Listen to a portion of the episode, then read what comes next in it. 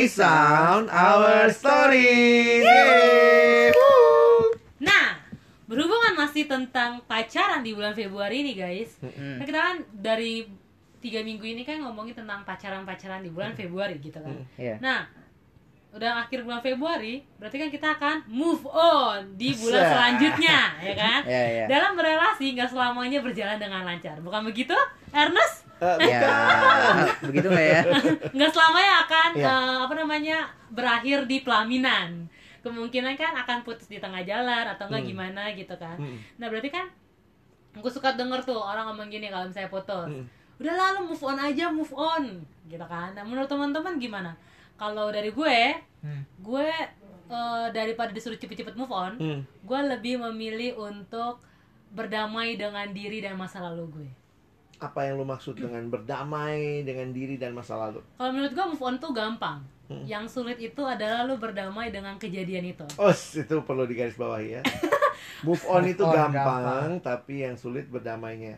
Karena gini, kalau cuma ngomongin tentang move on move on doang, ya kan, Ah. tapi lu tidak berdamai, kalau menurut gua resikonya gini, one day ketika lu balik lagi dalam proses yang sama, lu akan mengingat kejadian itu dan lu Ah. akan menimbulkan rasa marah atau enggak rasa benci. Yang kedua, kemungkinan orang itu akan lu lihat lagi kan ada, kecuali eh, sorry itu saya itu orang meninggal, tapi kan belum tentu.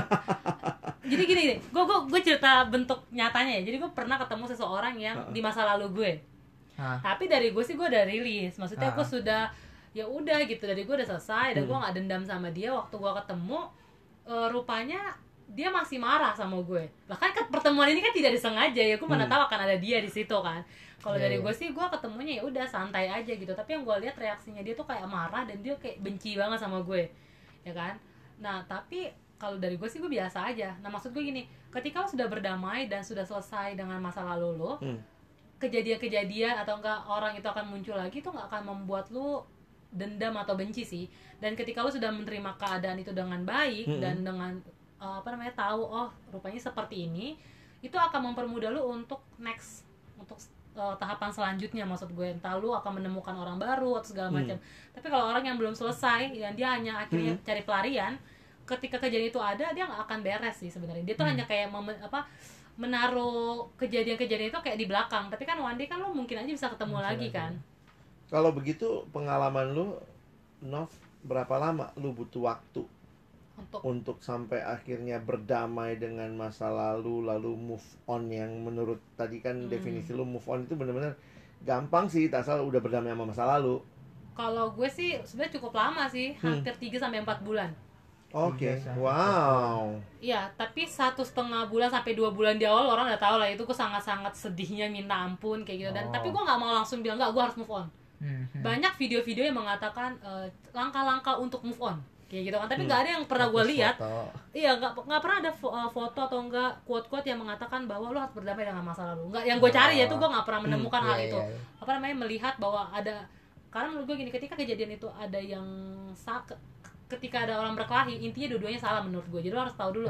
Iya. di mana posisi lo yang salah, di mana posisi dia yang salah dan di situ akhirnya lo bisa rilis juga.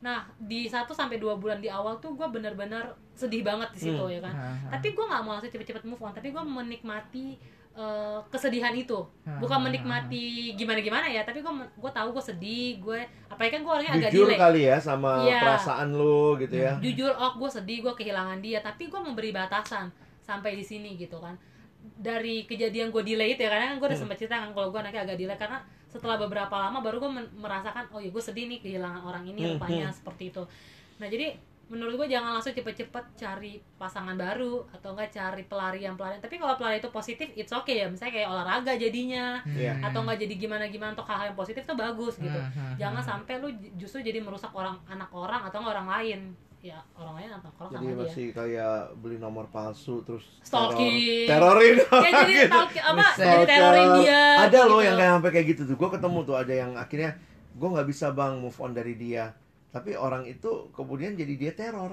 Hmm, jadi menurut gua ya, serem kan ya akhirnya- jadinya. nggak nggak sehat juga buat mentalnya anak ini gitu Iya, ya iya, iya. dan gue sampai di tahap benar-benar dua bulan itu gue sedih banget Mm. ya kan udah kayak gitu eh apa namanya di dua sampai apa tiga tiga sampai empat bulan itu ya gue merasa mulai menerima sih. Tapi itu gue belum move on seutuhnya ya. Hmm. maksudnya gue masih suka mengingat.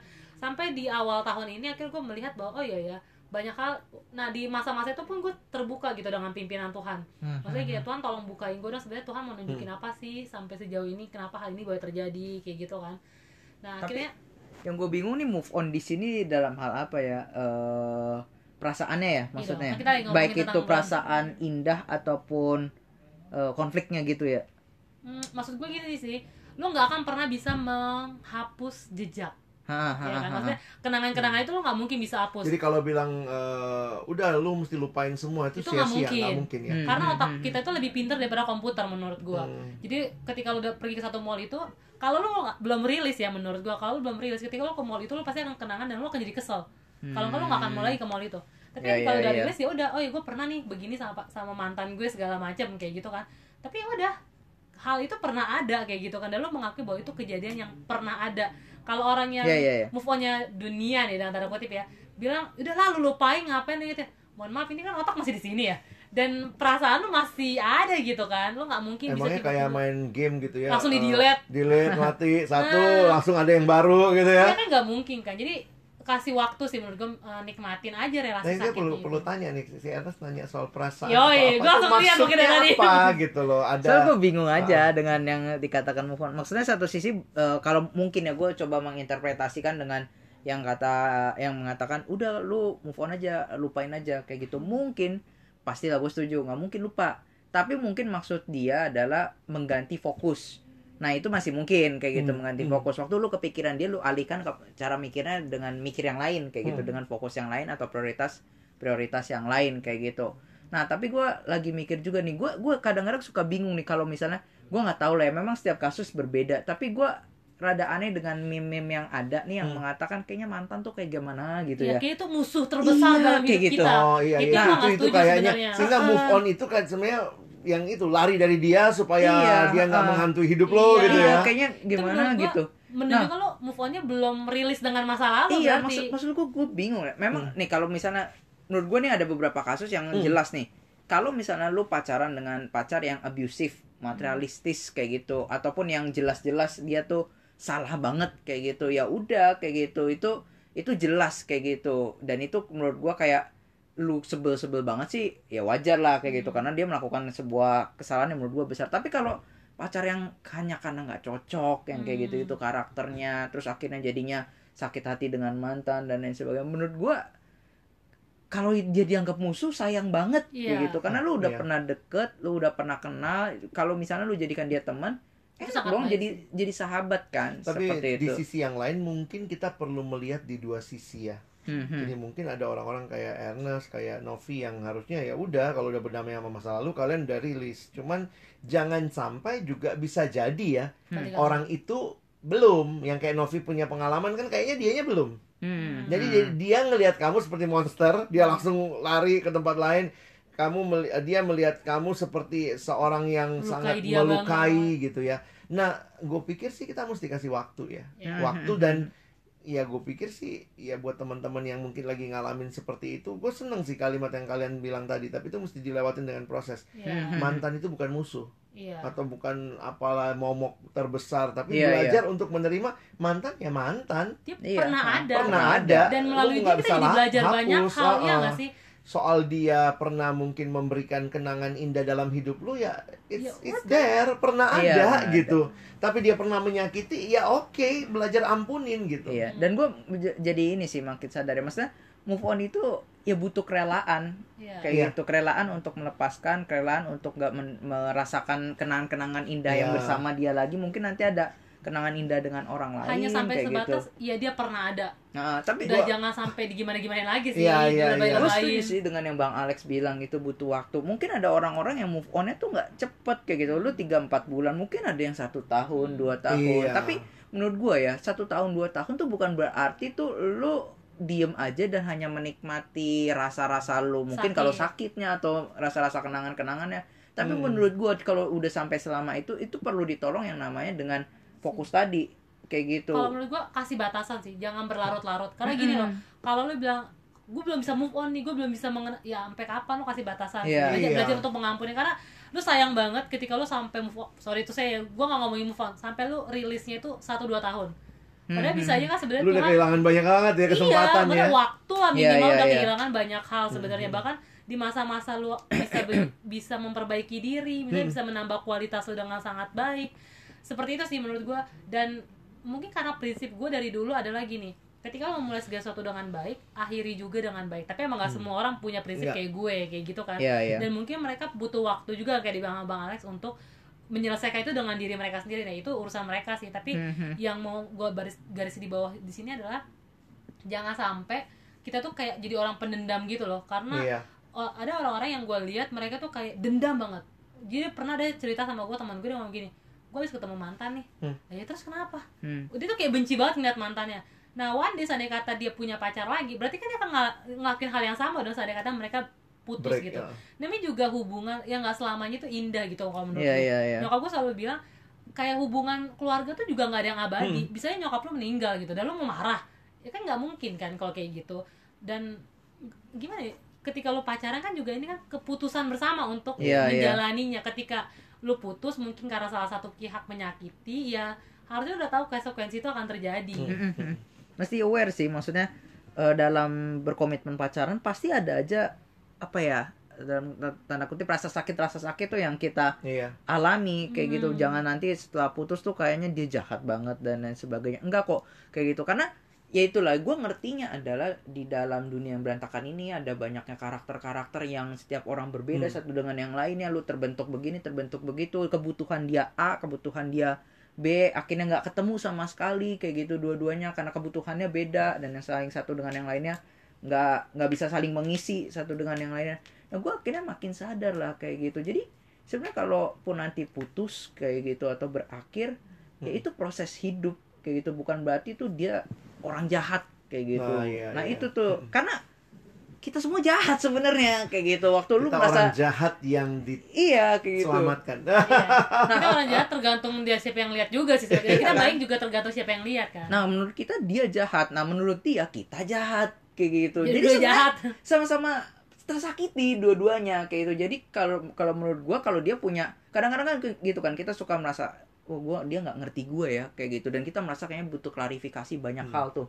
Kayak gitu waktu dia ngechat ngechat kayaknya kita butuh klarifikasi. Itu nggak akan menyelesaikan apa pun. Akan memperumit ya dan ya udah simpulin aja oh berarti emang lu sama ini kita pacaran nggak kenal. Kayak gitu lu nggak kenal gua gua nggak kenal baik dengan lu kita nggak saling mengerti kayak gitu dan lain sebagainya. Nah itu lebih Hmm. lebih enak ketimbang lu gue bener nih lu yang salah. Waduh itu nggak kadang-kadang kan orang ya manusia itu pada dasarnya pendendam ya. Pada waktu gue disalahin, gue juga mau buktiin bahwa bukan cuma gue yang salah, lu juga salah. Dan itu Mhm. kalau itu yang terjadi, gue rasa ya makin susah move on tuh. iya benar-benar Karena akhirnya yang kita lakukan adalah berusaha menyelesaikan Siapa yang masalah salah? siapa yang salah. Yang waktu mau dicari, ya siapa sih yang nggak pernah bikin salah? iya benar iya, benar gue bisa ngungkit. Oke, gue waktu itu begini, tapi karena kan lu yang begini. Oke, iya udah, lu udah panjang deh panjang deh. panjang Jadi memang ya dalam situasi tertentu kita harus pada titik menyerah dalam apa bukan menyerah ini ya. Setelah diperjuangkan segala macam ya udah.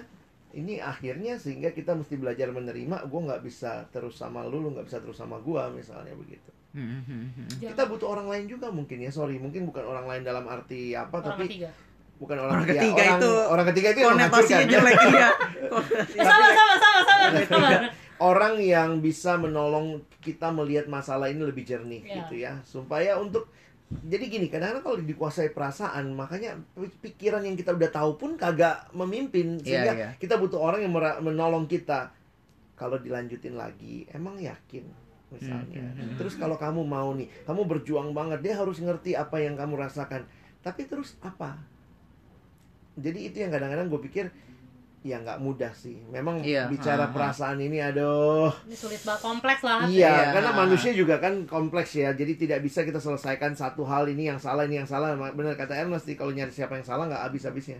mungkin ini juga ya kali ya butuh kerelaan Mm-mm. ya kerelaan gitu maksudnya jangan sampai ya emang saya gini ya misalnya gue berrelasi sama bang Alex gue harus meng- mengetahui sebelum gue menikah sama bang eh sebelum Pacaran, pernikahan ah. bang Alex itu bukan siapa-siapa maksudnya dia bisa pergi Ah, ah. Hmm. jadi ketika dia emang harus pergi ya udah rela kayak podcast kita sebelumnya kan ngomongin tentang jangan lu Iya. genggam serat mungkin Iya, iya. even tuh udah jadi suami lo ya eh Iya. kalau jadi suami bisa gak sih bang gue juga tetap pertanyaan nih karena bisa meninggal. Iya, bisa perginya meninggal. bukan Ah. pergi karena dia mungkin selingkuh atau apa, tapi Iya. ketika meninggal pun gue pikir takutnya kita kepahitan sama Tuhan deal. ya Iya, nanti kita bilang nih, Tuhan lu ambil ini gua Suami gitu. gua. ah, ah. Iya, Jadi iya. nggak bisa move on, gue nggak mau mesti dapat sama kayak itu. Tapi ya realitanya hidup bisa Hmm. bisa kehilangan gitu. tapi gue tiba-tiba kepikiran ini sih guys Hmm. sebenarnya hal i gue gue nggak tahu apakah hal ini tuh bisa disangkut pada seandai kata Hmm. pacaran dan mereka sudah sampai di tahap NBA apakah Oh, bagian oke. ini bisa dilakukan sama gue nggak bisa jawab itu karena maksudnya itu kan udah beda ya permainannya udah udah Iya, beda iya. maksudnya tuh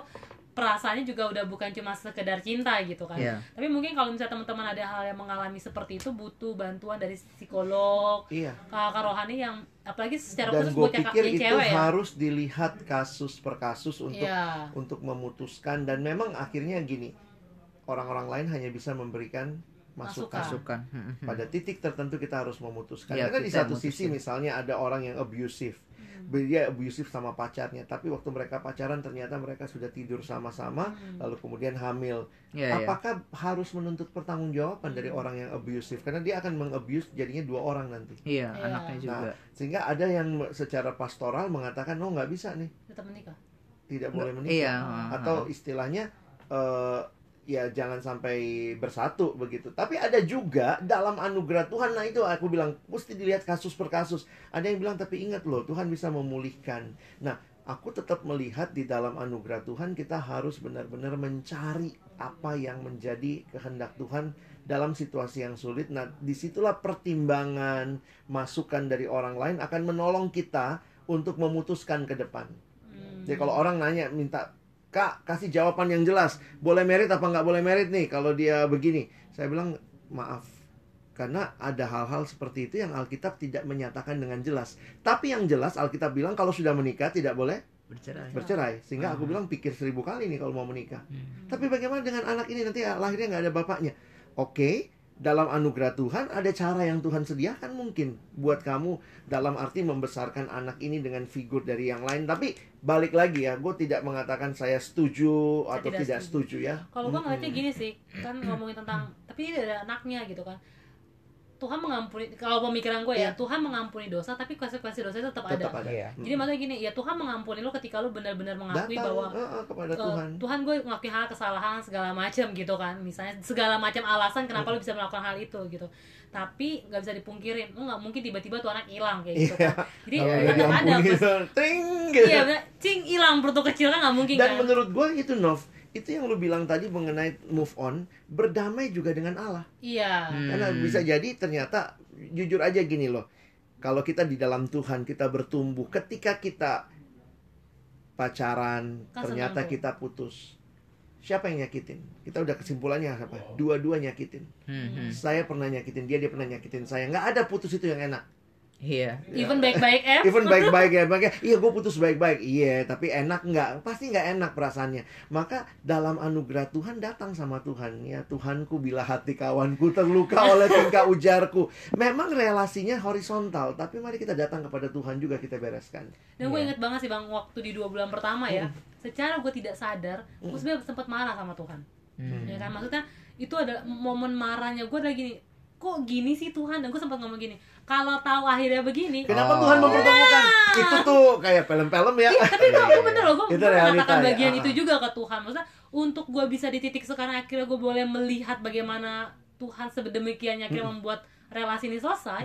Akhirnya gue jadi bersyukur gitu banyak hal walaupun nggak secara secara 100% gue sudah bisa melihat ya tapi Iya, sampai di iya. titik ini pun akhirnya gue melihat banyak hal oh Tuhan memimpin maksudnya ketika gue kesendirian ini pun gue merasa lonely ini sempat mengal- mengalami hal itu Tuhan memberikan teman-teman yang setia gitu maksud gue dan Tuhan nggak ninggalin dan itu hal-hal yang boleh gue syukuri sih jadinya Gue sebenarnya senang sama ilustrasi Novi sebelum tadi kita ngobrol ya Hmm. tentang luka. Hmm. Oh. Jadi kalau ada luka, maka kalau gue pakai istilah luka itu kan nggak hari ini luka, apalagi kalau lukanya dalam ya. Hmm, Iya. hmm. Terus besoknya sembuh. Iya, Ya iya. enggak lah. Betul. Jadi kalau gue berkatakan begini loh. Ada prosesnya. Izinkan Tuhan membalut Iya. luka hati kita, Merawat. merawatnya, dan jangan diisi sama sakit hati tambahan, diisi sama Iya, jealousy, ya, stalker stalker gila dia udah sama yang lain sekarang. Nah, Jadi dia selingkuh dia ya. selingkuh ya. Padahal eh, kalau selingkuh berarti lu masih ngerasa dia milik lu gitu Iya. ya. Iya, iya. Nah, jadi izinkan Tuhan jangan luka itu dikorek-korek lagi, didalemin lagi, emang dasar dia yang salah atau juga ada yang penyesalan. Ah. Ada waktu itu Gua nih aku ngelayani, enggak sih gini, gue ngelayanin satu orang. Terus kemudian eh, satu pasang gitu ya. Kemudian yang satu yang mutusin. Ah. Nah, yang satu yang mutusin ini karena yang satunya marah. Hmm. Tapi apa yang terjadi sampai hari yang waktu gue ketemu itu, yang satu ini nyeselin terus. Tuhan, kenapa sih gue marah? Kenapa sih gue marah? Akhirnya putus. Hmm. Jadi dia menye- me- menyalahkan diri. Iya, iya, iya. Self Mulai pity positif akhirnya. juga. Gila, kenapa sih? Coba kalau gue nggak lakuin ini. Tapi dalam hati ternyata waktu pacaran gue nanya udah sering marah. Oh. Cuman pas di marah hari itu yang satu putusin. Oh, udah, lu marah, putus. Iya, iya, iya. Oh. Atau ada yang ketiga bang. Ini Oh. pengalaman luka yang pernah Hmm. gue alami, tapi secara nyata ya. Hmm. Waktu itu gue pernah punya kolam, kolam ikan, dan waktu itu gue terjun ke kolam itu untuk ambil ikan ceritanya. Terus Umur ada, berapa lu? waktu masih anak-anak masih Oh, SD, masih ya SD, kan. ya. Lagi main sama keluarga nih tahun baru, jadi pada datang untuk bakar-bakar ikan. Terus di kolam ikan itu rupanya ada pecahan beling Iya. di kaki gue dan gue kena Ah. kebeset gitu. Dan itu Oh. cukup dalam, ya kan. Nah udah kayak gitu karena gue anaknya nggak mau diem, Heeh. gue ngobatin cuma sekali doang. Iya. Abis itu lama-lama itu luka ketutup, Iya. ya kan. Nah, terus Tapi kalian tahu nggak, rupanya waktu gue jalan itu tetap sakit. Rupanya di dalamnya itu belum sembuh. masih ada bekasnya. Rupanya itu pokoknya dia belum sembuh, tapi di luarnya dia Aha. udah ketutup. Iya, iya, iya. Lo tau apa yang harus gue lakukan guys? Gue akhirnya merobek itu lagi dan baru gue obatin dengan tepat. Ngerti gak maksud gue di sini? Akhirnya itu, itu Iya, jadi iya, ilustrasi iya, akhirnya iya. membuat gue sampai sekarang gue sangat ingat sih. Rupanya ketika lu move on move on gitu kan, tapi lu tidak selesai dengan masa lalu lu, Nah, akhirnya membuat lu jadi kayak luka itu. Iya, Sebenarnya iya. lukanya nggak selesai, tapi Iya. seakan-akan sudah selesai sudah tertutup. Tapi waktu lu jalan tuh sakit, sakit banget. Gue Dan sampai itu berpikir, harus diobatin. ya. iya. Dan itu gue akhirnya mau nggak mau gue harus eh, sobek lagi dan gue obatin itu lebih sakit loh rupanya. Karena apa? Gue nggak tahu apakah itu bernapas segala macam, tapi akhirnya membuat prosesnya lebih lama. Iya Iya, nggak sih? iya. Belum lagi waktu udah ketutup itu daging gue sobek lagi, kan sakit sebenarnya. Iya. Udah iya. dalam sakit, di luar sakit, ya kan? Jadi jangan sampai yang seperti itu sih, itu lebih sakit. Memang kayaknya pengalaman Novi ini ya Iya. bisa Banyak ya. berbicara Iya. kepada kita. Makasih guys. Ya ini jadi satu pelajaran lah buat kita Hmm. semua bahwa memang eh, move on itu adalah sebuah proses Yang- di yang harus kita lalui. kita Iya. harus lalui dan kita mesti berdamai dengan Allah dengan kita harus akuin juga Ya, akuin sama ya, ya, dengan- Bahwa kita juga ada gitu bagian ya. yang salah. Ada yang Iya. salah. Aha. dan bahkan mungkin waktu gue bilang gue nggak ada salahnya kok ya Itu salah ya salah lu. itu salah lu ya Iya. nggak sadar bahwa lu pernah bikin Salah. salah dan akhirnya di sinilah kita jadi belajar melihat bahwa eh, relasi itu memang satu hal yang Tuhan berikan yang unik loh Hmm. gue makin belajar relasi gue pikir kenapa ya Tuhan kasih kita relasi ya sesuatu yang bisa sangat menggembirakan tapi sisi yang lain bisa sangat menyakitkan Kata lagu juga gitu bang. Yes. Gue mau sebut satu lagi tuh gak enak nih. gue pikir sih Tuhan akhirnya mengingatkan kita bahwa relasi yang kekal dan sejati itu dengan Dia. Iya. Dan hanya kalau kita punya relasi itu dengan Tuhan, maka sebenarnya relasi-relasi yang lain bisa kita tata dengan lebih baik. Hmm. Jadi gue pikir Betul. eh, bisa move on, bisa. Bisa. Selama Selama kita melewati proses dan segala macam. Jadi buat teman-teman yang mungkin di bulan kasih sayang ini sedang sulit hatinya, Sedang ada yang jatuh cinta, disayangi. tapi ada yang harus move on harus juga. move on ya, mesti dilewatin ya. Yuk berbagi cerita lagi Nah. nanti sama kami ya. Hmm. Eh, follow Instagram kita di di friendsound.id dan jangan lupa Untuk share setiap video-video kita ke teman-teman yang lain atau nggak tahu di story kalian guys. Iya, Iya, biar betul. nanti juga bisa jadi berkat buat teman-teman Iya. lain ya. Atau ada teman-temannya yang butuh move on, Iya. ya kan? Ya, supaya mereka benar-benar rilis dengan diri dan masa lalu mereka. Oke deh. Jangan kayak luka-luka itu. luka-luka Segitu dulu ya. Sampai Oke. ketemu lagi teman-teman. Bye. Bye.